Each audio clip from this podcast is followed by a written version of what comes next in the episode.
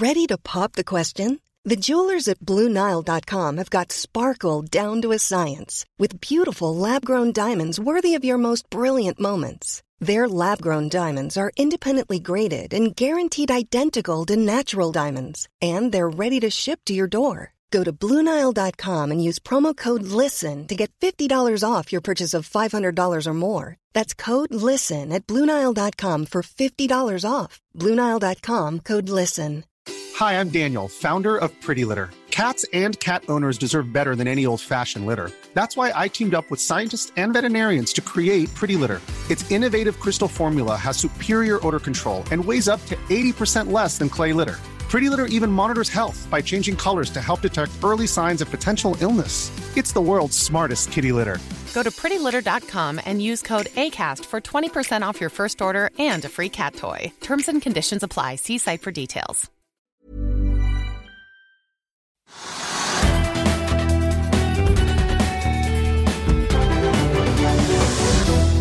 Hei og velkommen til ukens siste utgave av Økonominyhetene, der vi skal prate med Trygve Hegnar. Vi får høre fra Trygve Buchardt, som er gründer i EcoStore, som skal bygge gjenvinningsanlegg for elbilbatterier på Sørlandet. Jeg har pratet med Jonas Helmikstøl i gründersuksessen Easy, som lager elladere. Og vi har et innslag fra motorredaksjonen i Finansavisen. Men først en oppsummering av utviklingen i dagens aksjemarked. Hovedindeksen på Oslo Børs er ned 1,8% der gårsdagens fall i USA og en oljedrevet nedtur her hjemme nok tynger markedet. Oljeprisen er litt opp og holder seg over 90 dollar fatet, men likevel er altså de oljerelaterte selskapene i hovedsak ned, der Equinor og Aker BP begge faller rundt 2,5 og av, mest, av de 20 mest omsatte selskapene er 15 av dem i rødt. PGS er foreløpig dagens taper med en nedtur på over 21% og Aribatech eh, topper vinnerlisten med en oppgang på ca. 8 og ute i Europa er det også stort sett røde børser. Hvorfor er stemningen så dårlig i aksjemarkedet i dag, Trygve? Det er et godt spørsmål. Det er ikke så lett å si. Jeg er litt overrasket selv over da, den lille, den, at det er så liten sammenheng mellom oljeprisen egentlig og de store selskapene som du nevner. Fordi at både Equinor og Aker BP er ned sånn 2,5% Det er litt overraskende når oljeprisen da ligger på overkant av 90 dollar på fat. Man kunne jo tro det at liksom 90 dollar det er såpass mye, og det er en sånn strategisk eh, terskel hvor man tenker at liksom, da vil jo oljeselskapene gå. Men ikke, de store selskapene gjør ikke det i dag, og det gjør heller ikke da noen drillselskaper som Borr og en del andre selskaper. Det, er liksom, det, det er liksom ingen sammenheng eller korrelasjon mellom da kursene og oljeprisen, så det, det, er litt overraskende. Men jeg tror at usikkerheten er så stor nå at man vet nesten ikke hva man skal gjøre. Uh, altså det er liksom opp 2 og så er det ned i minus 3 og så er det pluss 2 og I går så var det på Nasdaq, som er den teknologidrevne børsen, den var ganske kraftig ned. og så har Dow Jones holdt seg sånn noenlunde. Så det er et press på tech-aksjer, det er et press på de aksjene som, som har, frem, altså har, inntekten langt frem i tid, og som er veldig påvirket av renteutviklingen. Så der er det press. Og så er det de andre aksjene holdt seg som passer, passe, bra. Og de som da hadde trodd i dag at man kunne liksom sitte med verdiaksjer, eller oljeaksjer, da, og tjene på det, så har de da altså fått en liten overraskelse ved at verdiene faller 2-3% Så det er litt overraskende. Men det er én ting, ting, som er veldig enkelt å forstå. Det er, det er, hadde alt vært lett å forstå med aksjer, så kunne man jo bare satset på det riktige. Men det er det at PGS og TGS, altså miksselskapene, er ned. Og PGS ned 20, har vært ned 30 og nå når vi sitter og snakker om nå ned 20 omtrent. Og der er det at selskapet går mot null. De har en enorm gjeld, 8-9 milliarder kroner. De har kjempetap av 1,5 milliarder kroner i fjor. Og så kommer melding da, nå i dag, fra da USA om at da man ville dempe eller stoppe da letingen etter ny olje i Mexicogolfen. Som er da selvfølgelig, Hvis man stopper leting, så får, da trenger man ikke hele seismikk. Da trenger man færre seismikkbåter som skal finne data på havbunnen. Det var veldig negativt både for PGS og TGS. Og da faller de altså 23 og ligger på tapslisten hele dagen. Det var ganske opplagt. Så det er en, en som, som på tapersiden, der, der, forstår man hva som foregår. Og så har vi da Kvantafuel, som også er en opplagt taper. Det er, det er de selskapene som skal lage olje av plastposer. Det har jeg aldri vært noe særlig begeistret for. Det tror jeg blir veldig vanskelig. Og De holdt på med en fabrikk i Danmark som de ikke har fått til, og de snakker om at den skal komme hvert øyeblikk. og Det er sagt, sagt i over et år. Og kursen var oppe i 70 kroner eller sånt, og da daværende konsernsjef Kjetil Bøhn, som har jobbet for oss her i Hegna Media, han, han, solgte en del aksjer, heldigvis for han. og så Etter en liten stund så sluttet han som konsernsjef. Og så har kursen falt og falt og falt fordi man ikke har fått plass til denne fabrikken. Det skjer ikke noe. Men man kan jo tenke seg at det er ikke så lett å ta da plastposer og lage olje av det. Det er bedre å pumpe olje opp fra bakken til en lav kostnad. Uh, og nå trengte de penger. Uh, og da hadde de en emisjon i går på 400 millioner kroner. For noen noe over ja, 25 kroner, 20 kroner. De fikk en rabatt på 10% men det var altfor lite. Og den aksjen kommer til å fortsette nedover, for det, inntil fabrikken var opp og stod, produserer olje. Så Kvantafjords fall er opplagt, PGS fall er opplagt, og TGS fall er opplagt. Og så er det overraskelse da med de store, tunge oljeselskapene at de ikke gikk opp, men at de har falt ned i dag. Men sånn som med Quantafuel, da, så hadde de da hentet 400 millioner i en emisjon i går på, som du sier da, på 25 kroner, og de handles nå for rett, rett over 25 kroner per aksje. Eh, men det er vel egentlig ikke altså jeg tenker Det er jo ikke det at de skal lage plastposer, som vel er hoved, eh, hovedtanken de lage Plastposer, de skal lage olje. Ja, nei, olje av plastposer, men det er vel det, mer det at de skal løse et eh, problem, da? Nei. Det må jo være det? At nei. de skal løse et ja, De løser kanskje et problem at noen plastposer da blir olje. Men tanken var da at man på en måte skulle, altså, man skulle være en, en eller annen form for oljeprodusent. ved å ta, løse et problem, ja, enten det er bildekk eller plastposer, og på en måte et miljømessig problem. Men de har nok hatt i, altså i bakhodet hele tiden at de skulle tjene penger på det. Det er, det er problemet. Og problemet nå er det at de hadde en emisjon jeg husker ikke helt rett, du kan korrigere meg, men de hadde en emisjon lang tid tilbake. og Da var emisjonskursen 70 kroner eller noe sånt nå. Og nå er det emisjonskursen 25. Så de som tegnet på 70, de er passe sure, tenker jeg, hvis de ikke har hoppet allerede for lenge siden og tatt tapet. Eller noen har kanskje blitt med ned helt. Det der har nok veldig mange. Så, og de som da på en måte tegnet på en høy kurs og ser den faller og faller, faller, de er sure. Og de er selvfølgelig da veldig kritiske til alt som sies å gjøres. Derfor tror jeg at kursen vil Er den 25 kroner i dag? Mm. Ja, altså den, Det må komme noe nytt etter deg, så vil den falle med 15-20 kroner. Men uh, dette som skjer med Quantafuel, det er jo litt i tråd med det vi hadde på forsiden av dagens avis, med grønne fond som taper, eller grønne aksjer, da, som ikke går så bra som det man Gått tror. Gått veldig dårlig, det har falt 50 ja. noen av dem. ja. ja. sånn at det, altså den uh, hypen, bølgen som var i fjor, da, og kanskje året før, den er nå på vei ja, det er et veldig godt poeng. Altså, poenget er at Du kan ikke bare kalle et produkt grønt, enten det er altså lastebiler eller fly eller bensin eller biodrivstoff eller altså, obligasjoner, hva som helst. Du kan ikke bare si at det er grønt, og så går det opp. Og, og Kjell Inge Røkke hadde en rekke selskaper som var da liksom grønne og miljøbevisste og fremtiden osv. Alle de aksjene har falt 30-40-50 De fortsetter å falle i dag også. Enten det er Aker karbonfangst eller Aker Vind eller hva det måtte være. Alle disse såkalte grønne selskapene de blir hypet. Kursen var en, var en voldsom stigning, og så falt de tilbake. Og grunnobligasjoner, ja, altså, altså obligasjonsfond, da, liksom småsparere. altså Du og jeg og Vito skulle liksom kjøpe da fond med såkalte grønne obligasjoner og så tjene penger på renten. altså Ikke noe annet enn det. Eh, og så har de bare falt og falt. fordi at liksom, Det var ingen som interesse for det lenger. Ingen som ville sitte på det, ingen som trodde på det og var redde for at de fondene skulle gå over ende til og med. Så man må liksom da altså, Alt er ikke grønt, og alt, alt grønt er ikke liksom himmelen. og alt, alt grønt er ikke liksom garanterte vinnerprodukter. Så de, folk blir kanskje litt mer kritiske. Det håper jeg det blir. Altså, vi, vi, kommer til å få en overgang for at ja, ting må funke før du kan tjene penger på det. Og Quantapool er et interessant prosjekt. da. Kanskje løser det et miljøproblem. Kanskje tar det opp masse plastposer. Og kanskje blir det olje av plastposene. Men den lettvinte veien er at man bruker mindre plastposer. At du da bruker plastposen din om igjen i butikken på Meny når du er der. ikke sant? Eller at jeg bruker plastposen om igjen. Det, tror jeg ikke jeg gidder. Men, men det er en lett, lettvinte måte å gjøre det på. Det å lage da oljen av plastposene. og Først skal du samle dem inn skal de kjører da på svære sånne trucks, lastebiler, til en fabrikk i Tyskland eller Danmark, og det er ikke bra. Og I tillegg, når vi snakker om Quantafuel, for det er litt spennende for oss da, som følger med en av våre tidligere medarbeidere, så var jo Kjetil Bjørn kjempeflink til å få med da, jeg tror det var BASF i Tyskland som medaksjonær. Og liksom at Et så stort selskap, da, kjemikonsern, at de ville være med, det var liksom tatt som en kjempeplussfaktor. Aksjen steg. Den siste tegningen var det ikke med, og det er et veldig dårlig tegn. Veldig dårlig tegn. Ja, ja, så sa jeg også Det var en analytiker som mente at det var et litt eh, pussig tidspunkt å gjennomføre en emisjon i går.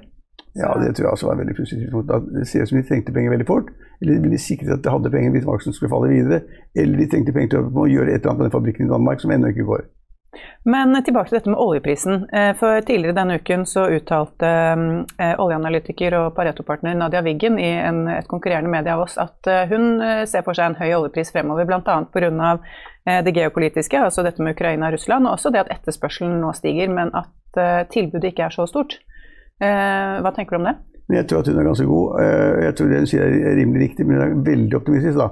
Vi snakker liksom om 100 dollar per fat eller 120 dollar per fat. Det, det, det, ja, det gjenstår å se. Det er en veldig høy oljepris. Vi må huske på at den prisen her nå er veldig høy. Den har gått som en kanon de siste årene. Ja, Det er ikke så lenge siden vi satt der og snakket om at den var høy, for den bikket 70. Nei, og før det så var det 30 og 40. ikke sant? Så den, oljeprisen har gått veldig. Det der med hva som skjer sånn geopolitisk, det er jeg litt usikker på. Det er klart at Hvis Russland går til krig i Ukraina, så går oljeprisen opp. Da liksom går alle råvarer opp, for da skal man redde seg. Penger er, er liksom ikke noe verdt, og gull er sølv og alt som er alternativ til pengesteder, det er viktig. Og så dette med at Russland kanskje har holdt tilbake litt oljereserver? Men, sånn er det alltid, men hvis, det blir, hvis det blir en konflikt, da åpen konflikt, hvis liksom tanksene ruller innover Ukraina, og, og, Vesten ikke tør bruke våpen mot, eller vil ikke bruke våpen mot, de vil ha andre former for sanksjoner, da, da, går, de, da går, oljeprisen også. for Mange tenker seg hvor blir det av oljen? Får jeg nok olje? Trenger jeg til flyindustrien, til fabrikker, til industri osv.? Det er en jekk. Om den jekken er 10 eller 20 eller 30 dollar per fat, det vet jeg ikke, men, men hun er ganske god. Og hun sier at Det hun sier, som jeg er helt enig i det vi snakket om her også, det er at lagrene av olje verden over er stadig mindre, mye mindre enn de var før. Det betyr at hvis det er en sånn konfliktsituasjon man skal ta på lagrene, så er det ikke så mye å ta av. Og I tillegg så er det da det at uh, OPEC-landet, inkludert Russland, da, OPEC pluss, produserer ikke mer som de har sagt de skal gjøre. Det, og, da, og Hvis det blir en konflikt, så er Russland egentlig ikke på Saudi-Arabias side, det er kanskje på motpartens side. ikke sant? Så da er det liksom ikke lenger OPEC er ikke da OPEC-landene, de opprinnelige OPEC-landene pluss Russland, det er kanskje bare OPEC-landene. Så tilbudssiden er litt skummel, men det produseres ganske mye olje i verden. og de, Hvis det blir en veldig høy oljepris, så kommer også da, da mer olje fra USA.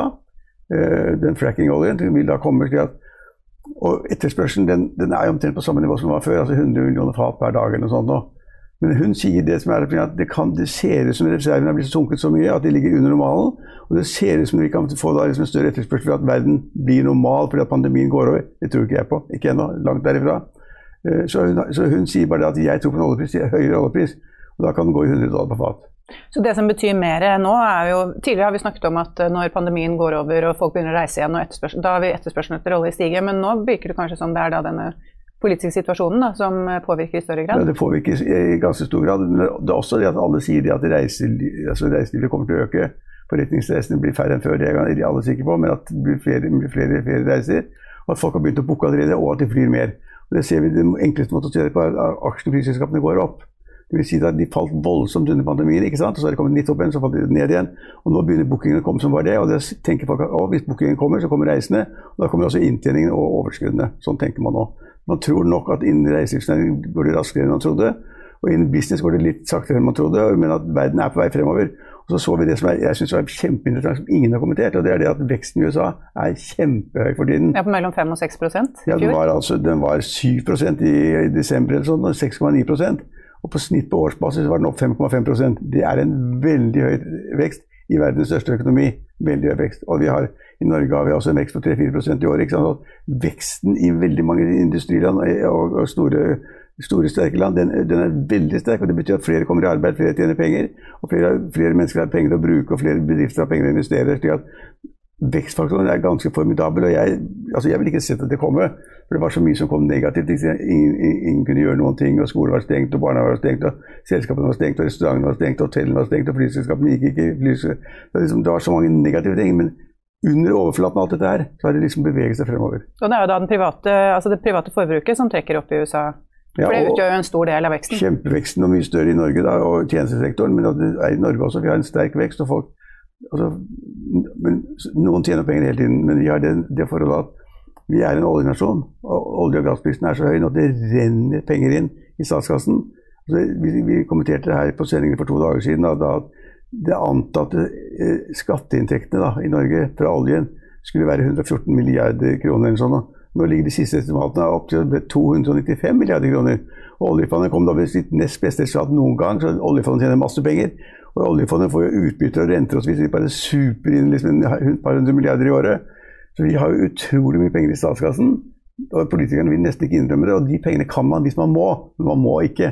De kan man bruke til liksom å støtte etterspørselen, hvilket man har gjort i disse pandemitider. ikke sant? Og gitt bedriftene penger, enkeltpersoner penger, støtte til strøm, strømbetaling osv. Vi har altså så mye å ta av. Så selv om vi hadde hatt en dupp i økonomien, vi har ikke hatt det, vi har hatt en vekst, så har vi penger til liksom å jevne ut de der bunnene ganske, ganske, ganske kraftig. Så til min store overraskelse så har vi, ser som man har ganske mye penger i andre land også. Men Norge er helt unik. Vi har nok av penger. Nok av arbeidsledighet i Norge er nå på ja, for mye lavere enn det Norges Bank ser for seg? 3-4% eller sånn. Det er en lav ledighet normalt internasjonalt.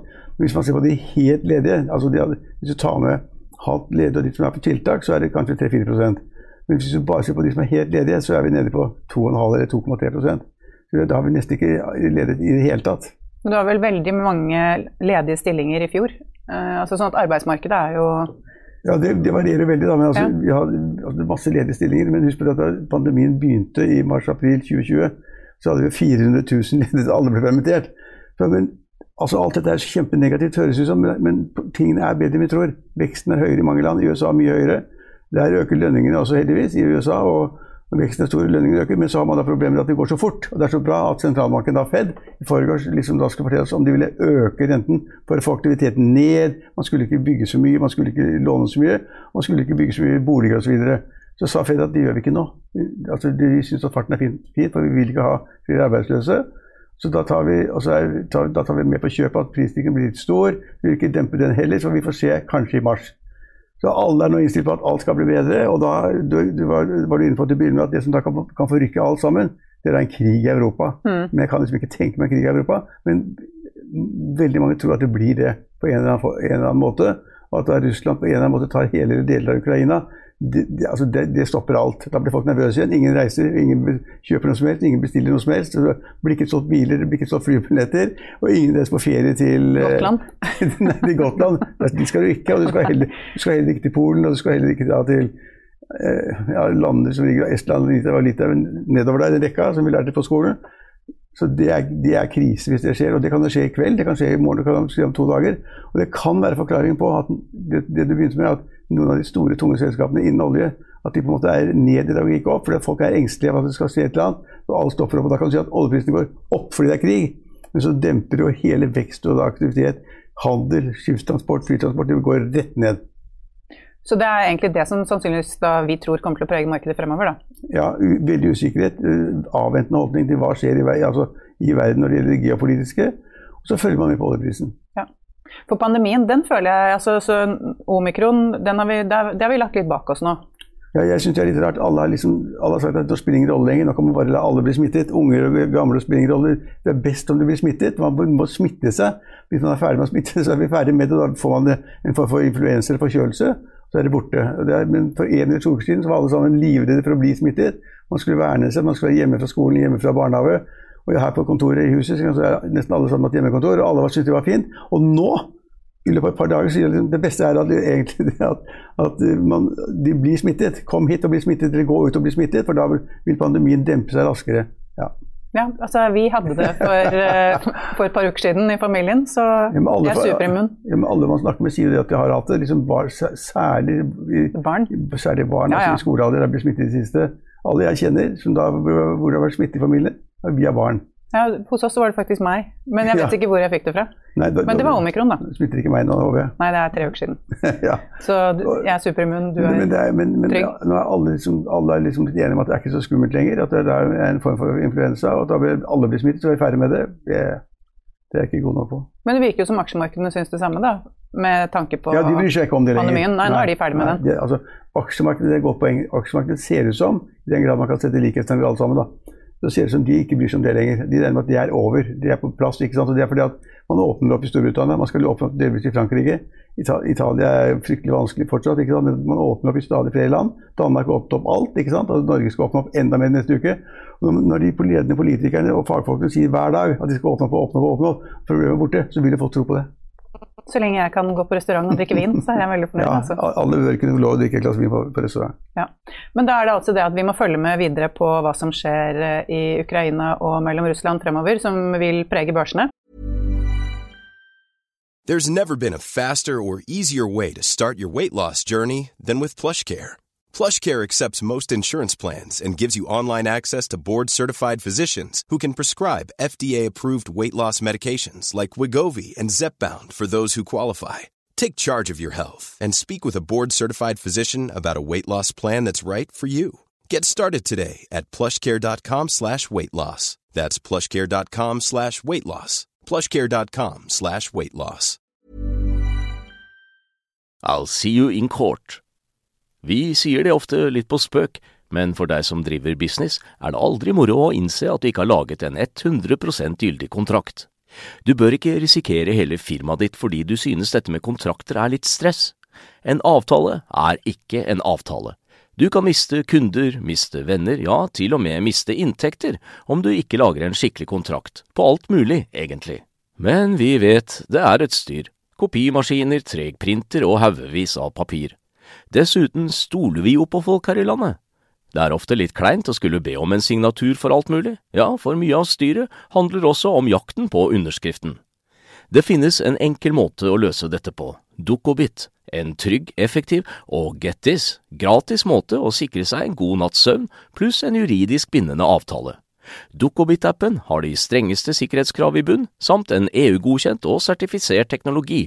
Framover vil det bli behagelig å spørre du, skal vi skrive under på det, eller? Kom i gang på dokobit.no. Og nå skal vi faktisk da gå over til noe vi var så vidt innom innledningsvis. Det er et eh, man kan jo kalle det for et grønt selskap. I går ble årets gründer kåret av revisjons- og rådgivningsselskapet EI, og det var Jonas Helmikstøl i Easy som stakk av med seieren. Og I 2018 så startet han el-ladeselskapet sammen med to andre, og i fjor nærmest firedoblet de inntekten fra året før. Og Målet det er å revolusjonere strømmarkedet fremover. Og Jonas Helmekstøl i Easy, dere har akkurat vunnet EYs gründerpris for i år. Eh, hvordan føles det? Det føles eh, stort. Det, det er litt sånn eh, Jeg har brukt litt tid på å la det synke inn. Jeg sto opp i dag, jeg er jo i Thailand, så jeg sto opp i dag og hadde fått masse masse meldinger. Jeg visste jo ikke at jeg hadde vunnet engang før, før, før jeg sto opp. Så det var Nei, det, det, det var egentlig ganske ja, sykt. Så litt sånn Jeg har bare brukt dagen opp og la det synke inn og, og feire, feire, det litt allerede. Så gleder meg til å fortsette utover kvelden. Men hvorfor akkurat deg og dere? Nei, Det er et godt spørsmål. Vi, vi har jo uh, turt å, å, satse da, med, med og, og, vi har kanskje gjort ting på en litt utradisjonell måte. Spesielt uh, for oss nordmenn, kanskje. Sant? At vi, vi, vi, tør å tenke stort. Og vi har utvikla en teknologi som, som, verden trenger. Og uh, vi gjør det med, med, å sette menneskene først. Da. Så det er liksom Jeg er jo veldig heldig som er kan jeg, altså, frontfiguren i, i, selskapet, men uh, det, er jo, det, er jo, teamet, da. Det er jo folka som, som uh, er grunnen til at vi, vi, vinner denne prisen. Da. Så det er veldig Frysninger sjøl, men det, det, er veldig, det er veldig kjekt. da, veldig, det, For det er jo beinhardt arbeid som ligger bak. Det er veldig skummelt å satse så stort. og Det, det kunne like så godt ha gått den andre veien som uh, det, det har gjort til nå. Da. Så ja. Ja, for det, Veldig det er, mye hardt arbeid. Men det er kanskje ikke alle som kjenner til selskapet. Hvis du kan fortelle litt kort om hva Easy egentlig driver med? Ja, vi, sånn som det er nå, så leverer vi har vi utvikla og, og, og produserer og leverer uh, elbilladere uh, rundt omkring i Europa. Så det er til ja, 17 land det, det, uh, totalt som vi eksporterer til. Det, det øker jo for, for, hver måned nesten, så det er litt sånn vanskelig å holde track på alt. Eh, vi er uh, Vi starta i 2018, så vi var tre stykk da. Og nå vi, begynner vi å nærme oss 300. Uh, vi, er, vi, er, nok rundt 300, inkludert konsulentene våre. da. Så vi har etablert oss i fem land. I, i UK, Nederland, og Tyskland og Norge. Eh, og så har vi lyst til å levere et komplett, komplett økosystem. Da. Vi eh, starter med elbillading og tenker å jobbe oss videre inn i hjemmet og inn i strømnettet. Og så er det da med, med visjonen om å forme framtidens strømnett og framtidens bedriftskultur. Der vi setter menneskene først. Da. Så veldig godt fortalt. Jeg så at eh, dere i 2020 hadde en omsetning på 380 millioner. Hvordan ligger det an for eh, fjoråret og på en måte veien videre, da? Eh, så I fjor så omsatte vi for 1,4 milliarder og hadde et overskudd på 500 mill. Før, før skatt. Så det har gått ganske bra leverte eh, rundt 250 000 enheter. Og nå i år så er målet, altså i 2022, så er målet 1 million enheter. Og en omsetning på ja, 5 milliarder da, pluss. Så, ja. Men eh, dere har jo eh, sannsynligvis flere konkurrenter, men det er jo én som dere stadig blir sammenlignet med, og det er jo Saptek. Eh, de eh, gikk på børs for eh, ja, det blir jo da halvannet år siden ish. hva er deres planer med hensyn til det? Nei, altså vi liker jo å ha kontrollen sjøl, da. Så det er litt sånn viktig for oss. Vi var jo i, i Saptek tidligere. Og basert på de erfaringene som vi fikk der, så var det litt sånn OK, vi ser viktigheten av at eh, det er de som driver selskapet, da, som, som må, må, kjenne på eierskapet. Og vi, vi, tilbyr jo alle som, som begynner Easy å kjøpe seg inn. Uh, og, og, det er jo oss gründere som har kontrollen i, i selskapet. Så, så, for oss så skal jo aldri si aldri, men, men uh, vi, vi, håper jo at vi kan uh, på en måte klare oss uten. Og at vi da fordi, fordi, det er litt sånn som de beslutningene som vi tar nå, de, de målene som vi setter oss. Vi setter oss noe som vi kaller easy goals, altså umulige mål. Og det, det å uh, tørre å gjøre det, det, det er liksom litt der Det er vi som tar den beslutningen som et fellesskap, uh, som et team. Uh, og, så, og, så, og, så, prøver vi å backe det opp. Men om det blir liksom to milliarder, eller om det blir én milliard, eller om det blir fem milliarder Det er litt sånn Vi er så opptatt av å ha det gøy på reisen, da. Og bare prøve å utnytte potensialet vårt. da. Prøve å få til det som, som vi kan få til, eh, og samtidig bevare folka og, og, ha det gøy på reisen. Så mens når du er på børs, så blir det litt sånn du må Du, du, du, blir, du blir tatt på en måte hvis du, tør, hvis du satser for mye og ikke klarer å levere. Så du blir på en måte litt straffa. Det er litt sånn skummelt å sette seg i hårete mål. Fordi Hvis du ikke leverer, så kan det være at uh, han stakkaren eller hun som er daglig leder, uh, hvis de ikke leverer, så forsvinner de ut døra. på en måte. Så ja, litt sånne, sånne type ting. da. Så Vi bare ser at uh, for vår del, det at vi kan ha eierskap til det vi holder på med, visjonene våre, målene våre, på godt og vondt. Det, det, føles veldig bra. Og Resten av intervjuet med Helmikstøl finner dere på finansavisen.no, og han har som han sier hårete mål for de neste ti årene. Og Da skal vi høre fra en annen gründer som sammen med et amerikansk firma og Bjørn Rune Gjelstens batterisatsing Morrow vil bygge et gjenvinningsanlegg på Sørlandet. Se her. Trygve Buchardt, gründer og daglig leder i EcoStore, takk for at du er eh, med oss. Eh, du, det, dere jo ble jo etablert i 2018 eh, som et batterigjenvinningsselskap og batteri, bygger av batterisystemer. Så fikk dere inn Agder Energi Ventures som investor i 2019. Nå har dere inngått en avtale med ikke bare altså Morrow, som er dette batteriselskapet til eh, Bjørn Rune Gjelsten, men ikke minst amerikanske Lie Cycle. Eh, sammen skal dere bygge et gjenvinningsanlegg på, på, Sørlandet. Fortell hva planen er. Ja, nei, Det er veldig, veldig trivelig å være her og, og snakke med deg det, om det her prosjektet. her. Det er noe vi holdt på med i, i ni måneder nå for å få på plass. og Det er et, et kjempestort resirkuleringsanlegg for, for brukte elbilbatterier som vi setter opp i det trekløveret sammen med Morrow og Leacycle. Leacycle er jo Nord-Amerikas største, Nord største resirkulerer av, eh, av litium-ionbatterier, og de ønsker å få et, eh, et fotfeste i Europa. og Da ser de til Norge, som ligger så langt foran resten av Europa på elektrifisering av transport. Så, så De tok kontakt med oss og ønsker samarbeid, og vi har jobba tett sammen nå for å finne en, en, en struktur på det. og Det endte opp med at vi vi investerer sammen i et stort uh, resirkuleringsanlegg, 10 000 tonn per år. og um, For å håndtere da, den bilflåten som vi har i Norge og, og også resten av Skandinavia. Og kunne ta, og få de batteriene resirkulert.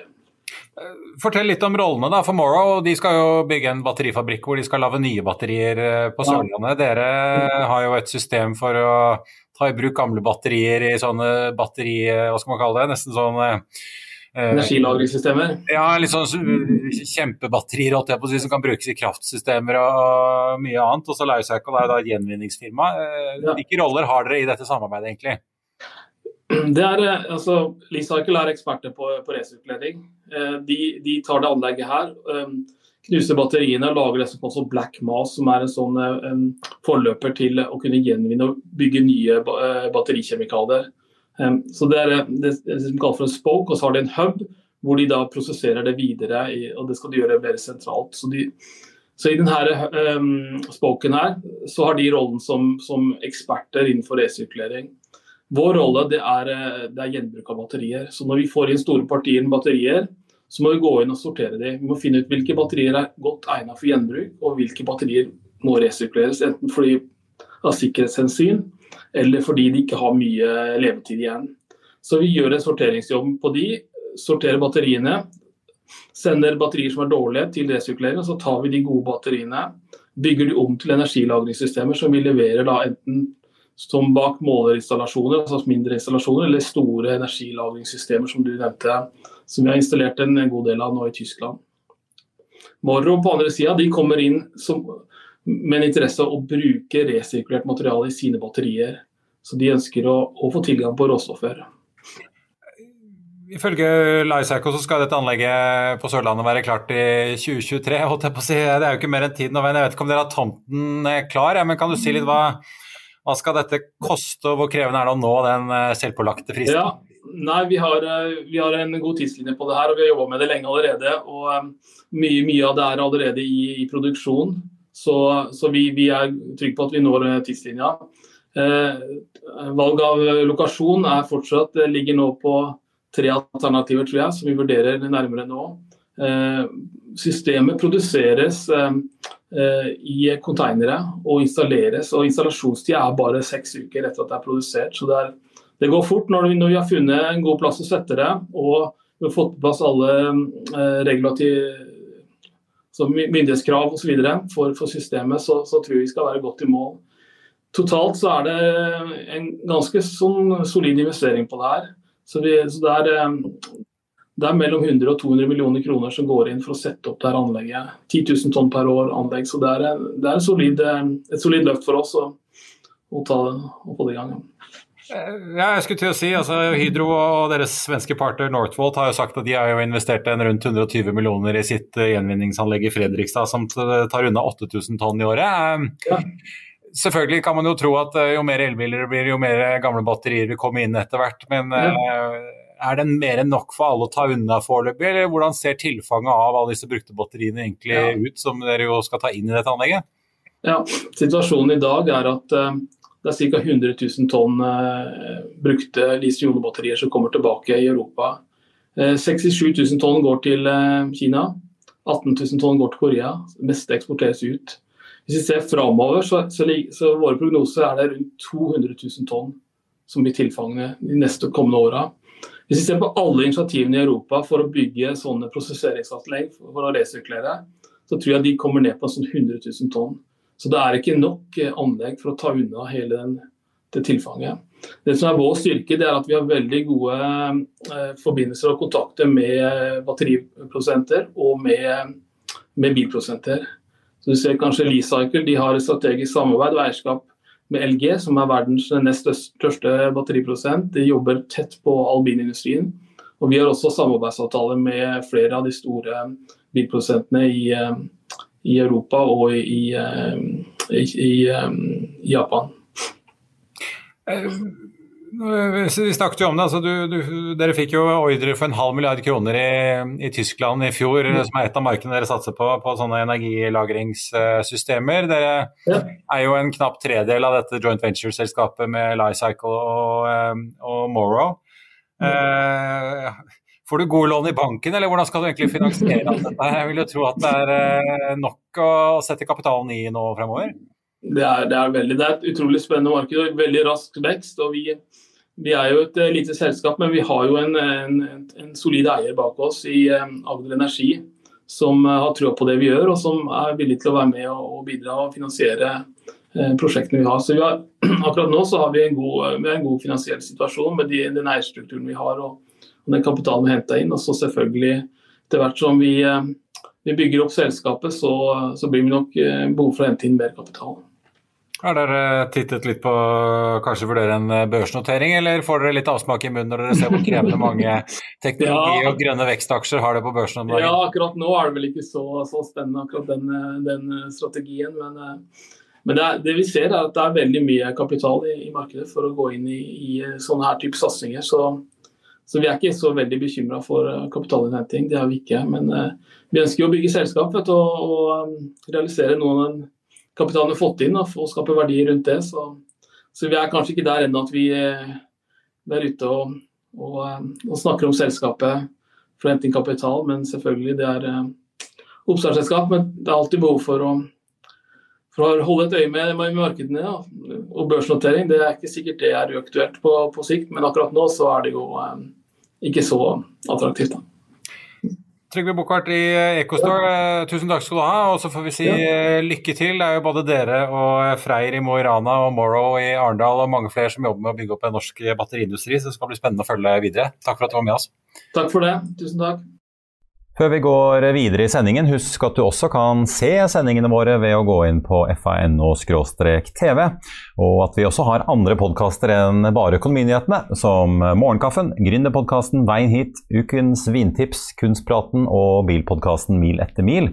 De finner du ved å søke Finansavisen, der du hører på podkast. Og nå skal vi over til hva mange av våre seere og lesere gleder seg til hver helg, for i morgen har Finansavisen et ferskt motor klart. Bare se her. Håkon Sæbø, i morgen er det lørdag, og dere har vært ute og testet eh, hva skal vi si, Mercedes sin store hytteracertanks eh, GLS, men også den spanske versjonen av en eh, elektrisk folkevogn. Cupra Born, ganske spennende bil. Ja, Vi måtte undersøke hva dette var. Det er jo en rimeligere utgave av den bilen man kjenner som Volkswagen ID3. Så dette her er jo litt, litt enklere, men samtidig litt mer sportslig. Og så er det litt eh, mimring eh, når det elektriske kommer inn, så er det også noe annet som eh, forsvinner ut? Ja, stemmer det.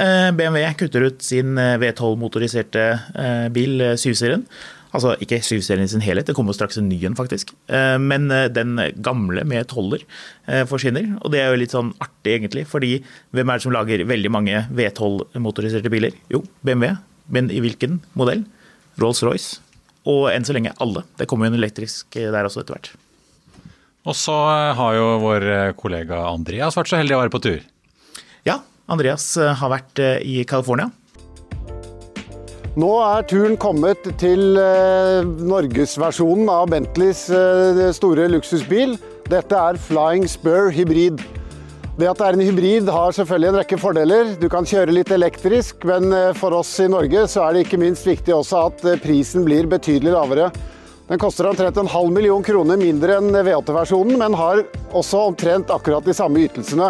Og den har også en eh, black line og Mulliner pack med 22 tommers felger, karbonbesetning osv.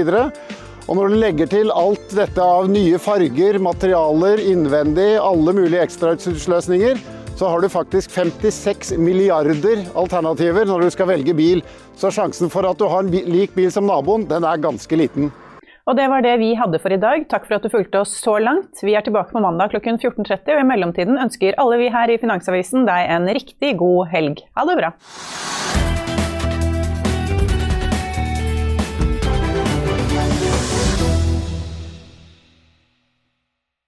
Økonominyhetene er en podkast fra Finansavisen. Programledere er Marius Lorentzen, Stein Ove Haugen og Benedikte Storm Bamvik. Produsenter er Lars Brenden Skram og Bashar Johar. Og ansvarlig redaktør er Trygve Hegnar.